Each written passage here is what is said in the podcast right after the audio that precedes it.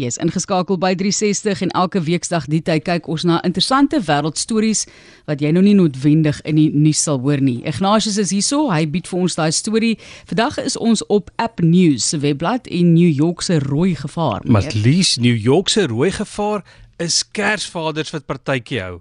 Jy mag nou dink Saterdag was bietjie vroeg in die seisoen, maar die partytjie rooi gety het oor die Big Apple gespoel.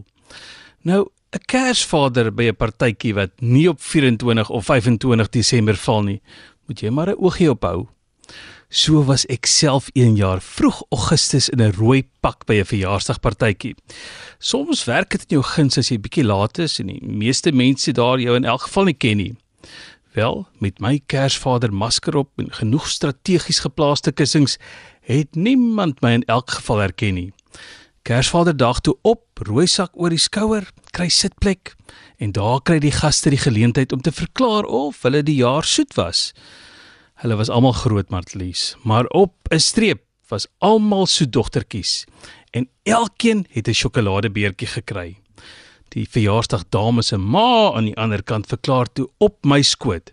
Sy was 'n stout dogtertjie. Sy het twee beertjies gekry besluit myself of dit beloning vir gedrag was en of die stout tannie soetmedisyne moes kry.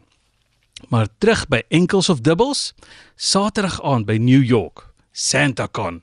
Dis wat gebeur het. Swerms Kersvaders vaar die strate in en besoek die watergate van die stad wat nooit slaap nie.